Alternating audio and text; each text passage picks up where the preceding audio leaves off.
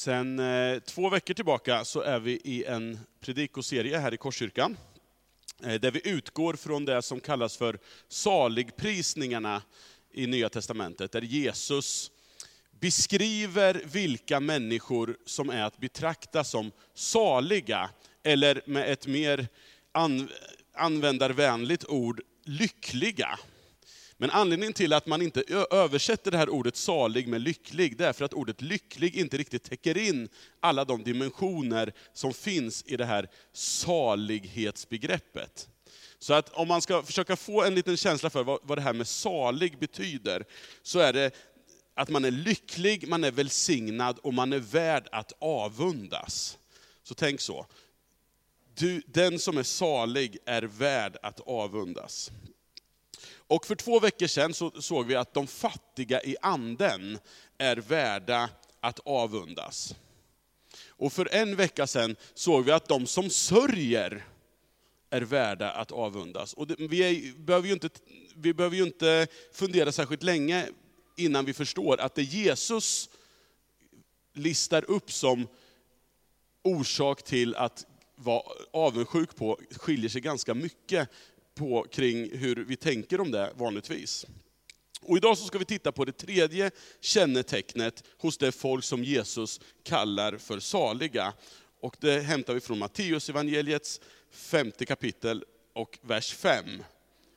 Där säger han så här, saliga de ödmjuka, de ska ärva landet.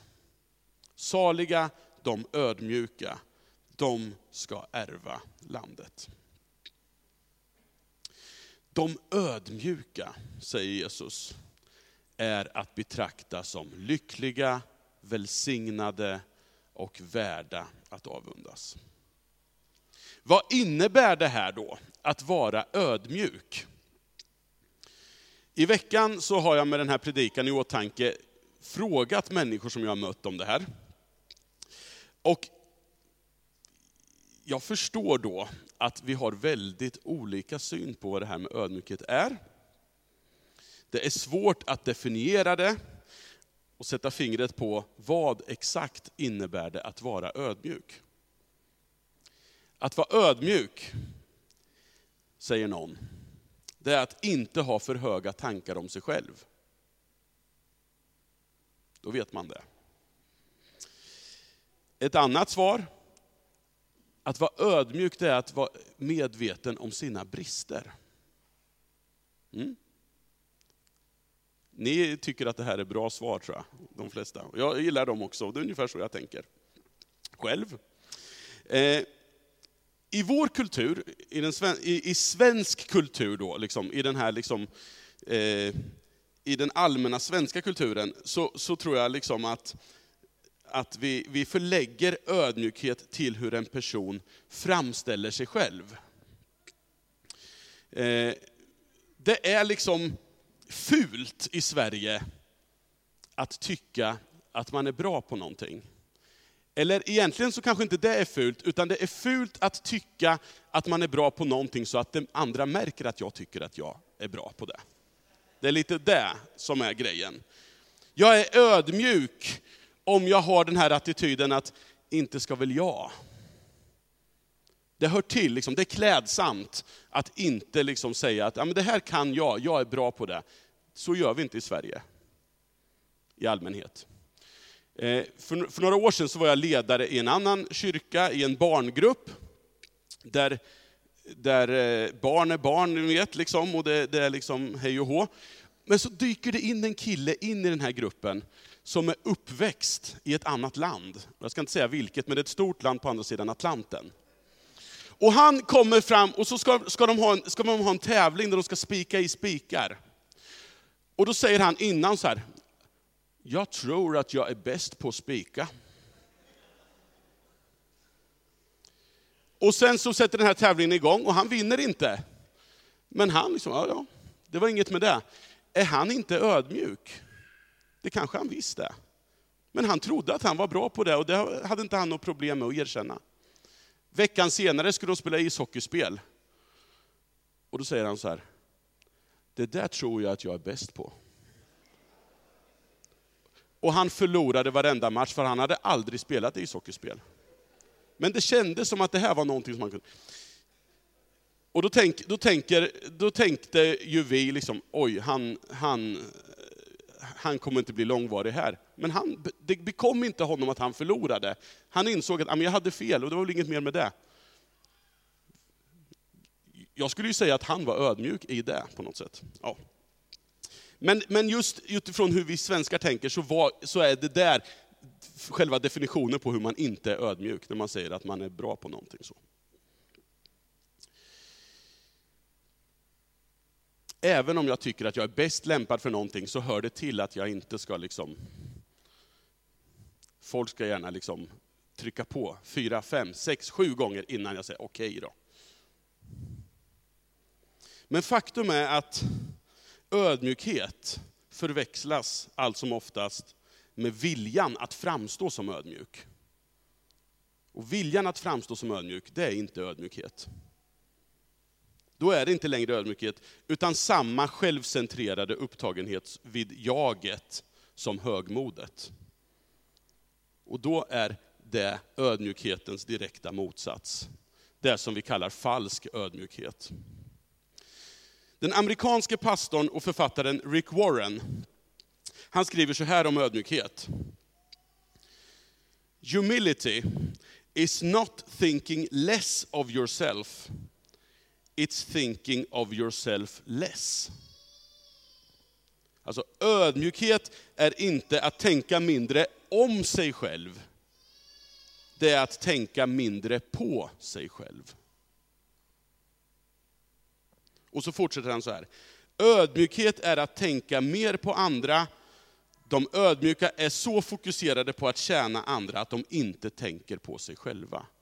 Så definierar han ödmjukhet. Och jag tror att han är någonting på spåren av vad Jesus menar när han säger saliga de ödmjuka. Ödmjukhet handlar varken om att vilja framstå som ödmjuk, eller att förneka sig själv och sina förtjänster, utan om att vara mindre fokuserad kring sin egen person. Mina rättigheter, hur jag uppfattas, vad jag kan eller vad jag inte kan. För en ödmjuk person är inte det så intressant, utan en ödmjuk person frågar sig, hur kan jag bidra för andra? På punkt efter punkt så kan vi se hur Jesus själv med sitt liv personifierar det han själv predikar. Jesus är själva urtypen för vad det innebär att vara fattig i anden. I sitt totala beroende av Fadern. Jesus är urtypen för vad det innebär att sörja. När han gråter över skapelsens trasighet och människors nöd. Och Jesus är också mönstret när det kommer till det här tredje, ödmjukheten. Paulus, han lyfter fram Jesus som mönstret för hur den kristna församlingen i Filippi ska förhålla sig till varandra. Och då säger han så här. Var ödmjuka och sätt andra högre än er själva. Tänk inte bara på ert eget bästa, utan också på andras. Låt det sinnelag råda hos er som också fanns hos Kristus Jesus. Och så beskriver han då, vad var det med Jesus? Jo, Jesus ägde Guds gestalt, men vakade inte över sin jämlikhet med Gud. Han vakade inte över sina egna intressen här. Utan avstod från allt och antog en tjänares gestalt och han blev som en av oss. Ursäkta. När han till det yttre hade blivit människa gjorde han sig ödmjuk och var lydig ända till döden, döden på ett kors.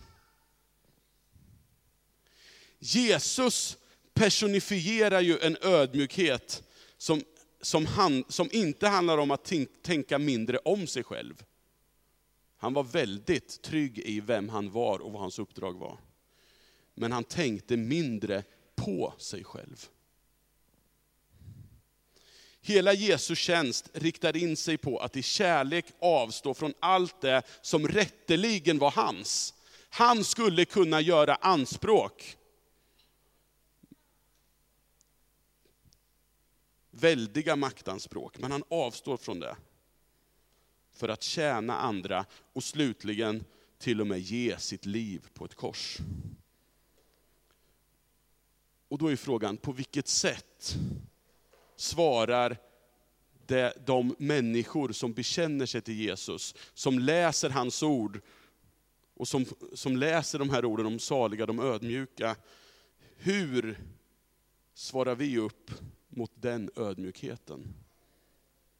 Hur vägledande är den ödmjukheten i mitt liv? I en tid och en kultur som i så hög grad präglas av att hävda sina rättigheter. I tid och otid så gäller det att hålla på det som är sitt. Mitt i en värld där de vassa armbågarna, självhävdelsen och det här utkrävandet av rättigheter ses som enda vägen, så kallar Jesus ett folk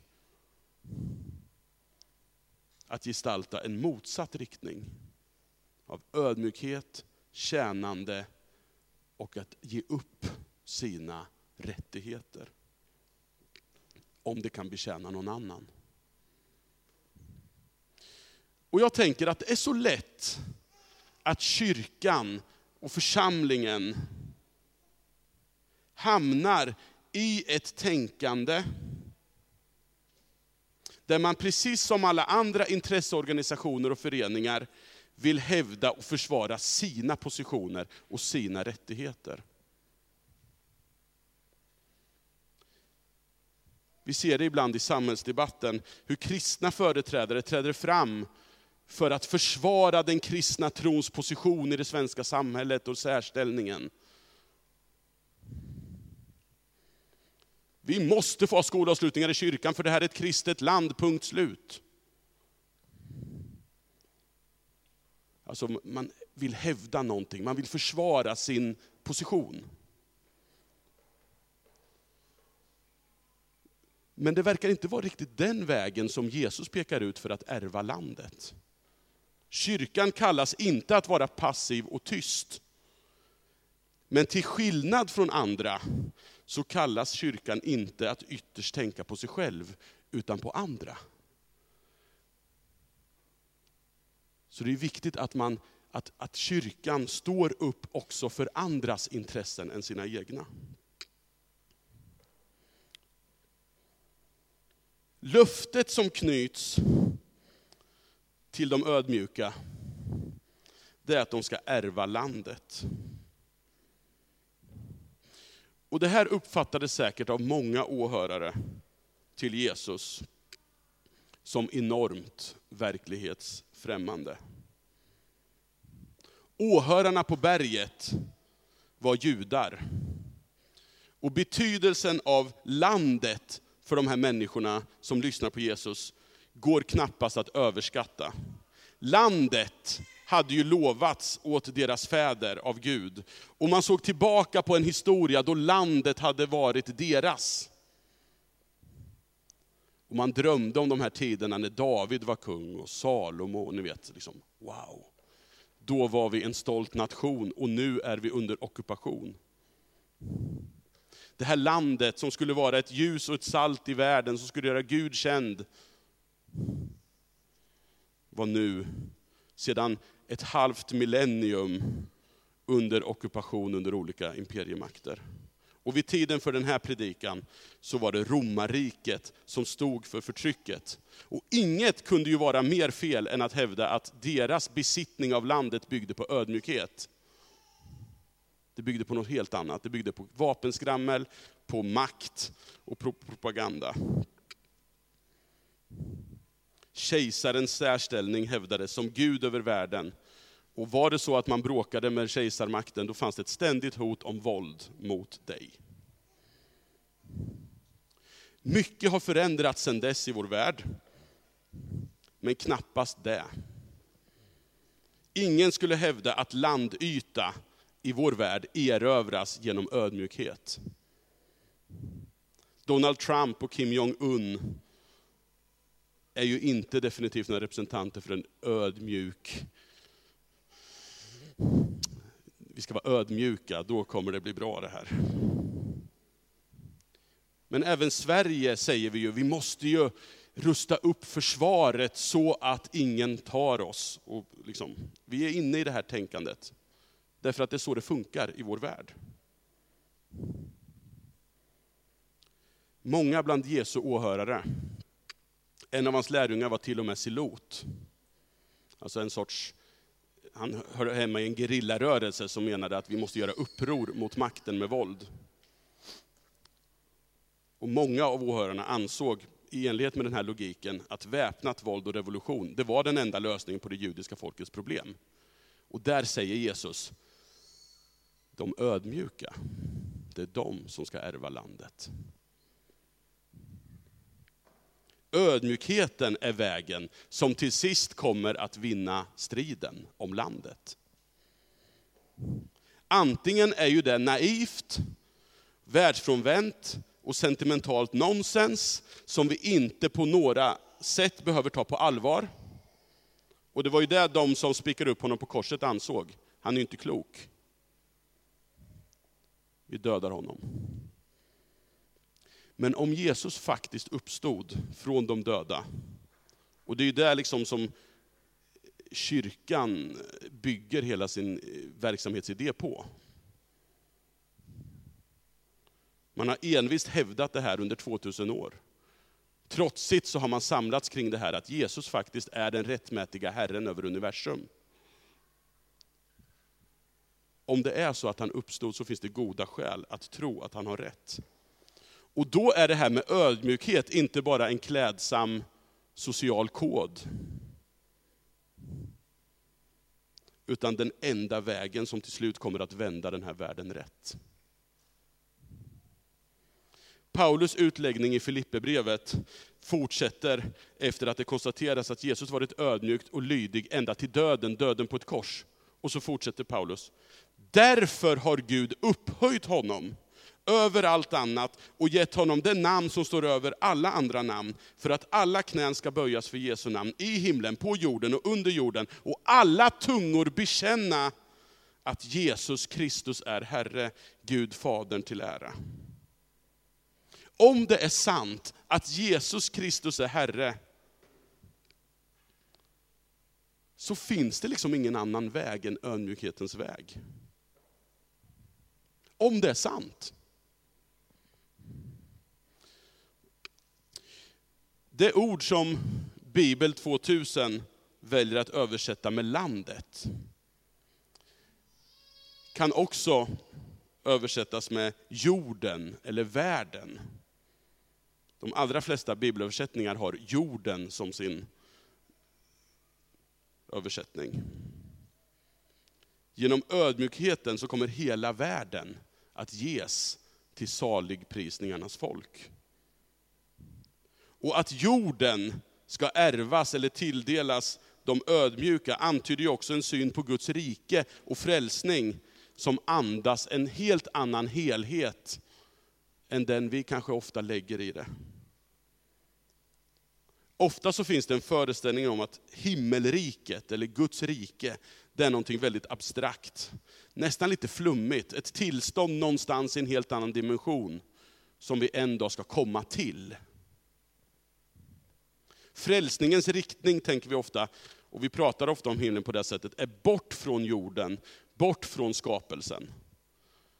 När vi sjunger sånger med barnen säger vi himlen, eller hur? Himlen. Så pekar vi uppåt liksom.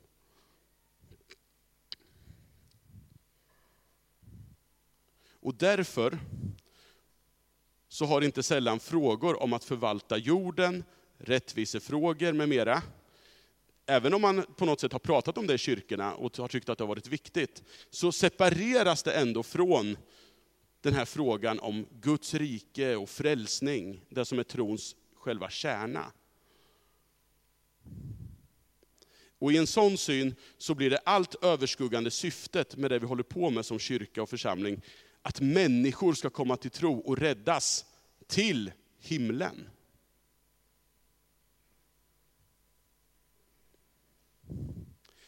När jag växte upp så fanns jag i ett sådant sammanhang där, där det var en sån betoning. Och eh, då raljerade vi ibland över människor som engagerade sig på allvar kring frågor om miljö och rättvisa i samhället och så här. För vi tyckte att, ja ja, de kan ju hålla på och rädda sina sälar medan vi räddar själar. Det är ju lite, liksom, lite viktigare. Liksom. Ja, ja, håll på med era, era sälar. Men det är ju inte Bibelns vision av det som ska komma. Riktningen i Bibeln är ju den motsatta. När vi läser i Bibeln, vad, vad är frälsning, vad är Guds rike? Det handlar ju om att himlen kommer till jorden. Att skapelsen upprättas till det som Gud vill. Guds goda regim landar mitt i vår värld. Så frälsning handlar om att Guds goda vilja blir synlig och tydlig mitt i vår värld, mitt i skapelsen. Och det kallas ju det här folket, saligprisningarnas folk, att redan nu gestalta. Och då gestaltas det både genom att själar räddas till att få haka på i det här gestaltandet av det här. Och genom att rädda bland annat sälar från det som kallas för tomhetens välde, som till synes behärskar världen. Jesus är uppstånden och har öppnat vägen till ett annat sätt att leva redan nu. En dag kommer jorden att förnyas och tilldelas dem som ödmjukt i lydnad upprättar världen, deltar i det Gud gör. Och därför så kallar Jesus dem för saliga, de lyckliga, de värda att avundas. Jag skulle vilja skicka med några frågor, så här liksom. vad, vad har han sagt idag egentligen? Ja, jag vet knappt. Men, några samtalsfrågor som ni kan ta med er hem till era smågrupper, till era frukostbord eller runt fikaborden här ute. Vilka skillnader ser du mellan en svensk ödmjukhet och den ödmjukhet Jesus personifierar? Kännetecknas kyrkan i allmänhet av en ödmjukhet som avstår från sina rättigheter till förmån för andra? Hur ser du på det här med framtidshoppet som ett hopp för hela skapelsen? Är det en nyhet för dig? Är det en självklarhet för dig, eller är det en konstighet för dig?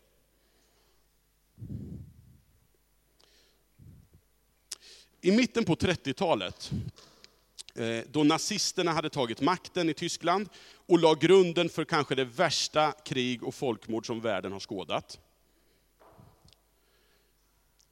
Då finns det i Tyskland en luthersk präst som heter Dietrich Bonhoeffer. Och han formulerar då några föreläsningar som ges ut i boken Efterföljelse. På grund av sitt motstånd mot nazismen så skulle han senare bli avrättad i april 1945. Saligprisningarna om att de ödmjuka skulle ärva jorden, och att kyrkan och församlingen därför skulle vara ett sorts levande tecken på någonting annat, det ställdes på sin spets för honom. Var det något man skulle våga tro på i en värld där man stod under det hot som de gjorde? Och jag skulle vilja avsluta med att citera vad han skriver. Och, och mitt medskick till oss är, vågar vi tro på det här så att det också tar sig uttryck i hur vi faktiskt lever våra liv? Jorden tillhör dessa rättslösa och maktlösa människor. De som nu besitter den med våld och orättfärdighet ska förlora den och de som här totalt avsagt sig den, de som varit ödmjuka in till korset ska härska över den nya jorden.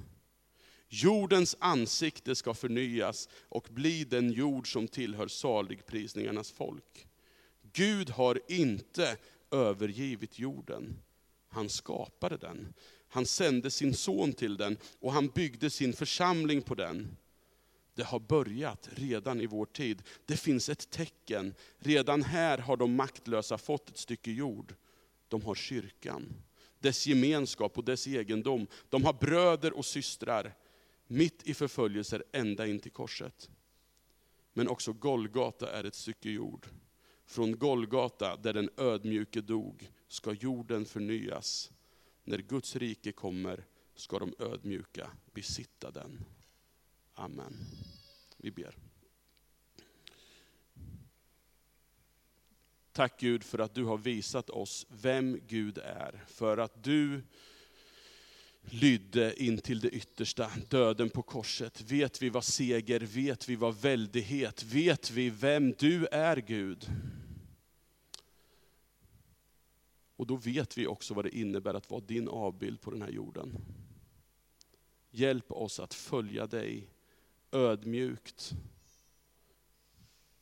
Hjälp oss att följa ditt mönster. Ge oss kraft. Ge oss tro. Ge oss mod. Tack för din ödmjukhet. Hjälp oss att vandra i skuggan av dig. I Jesu namn. Amen.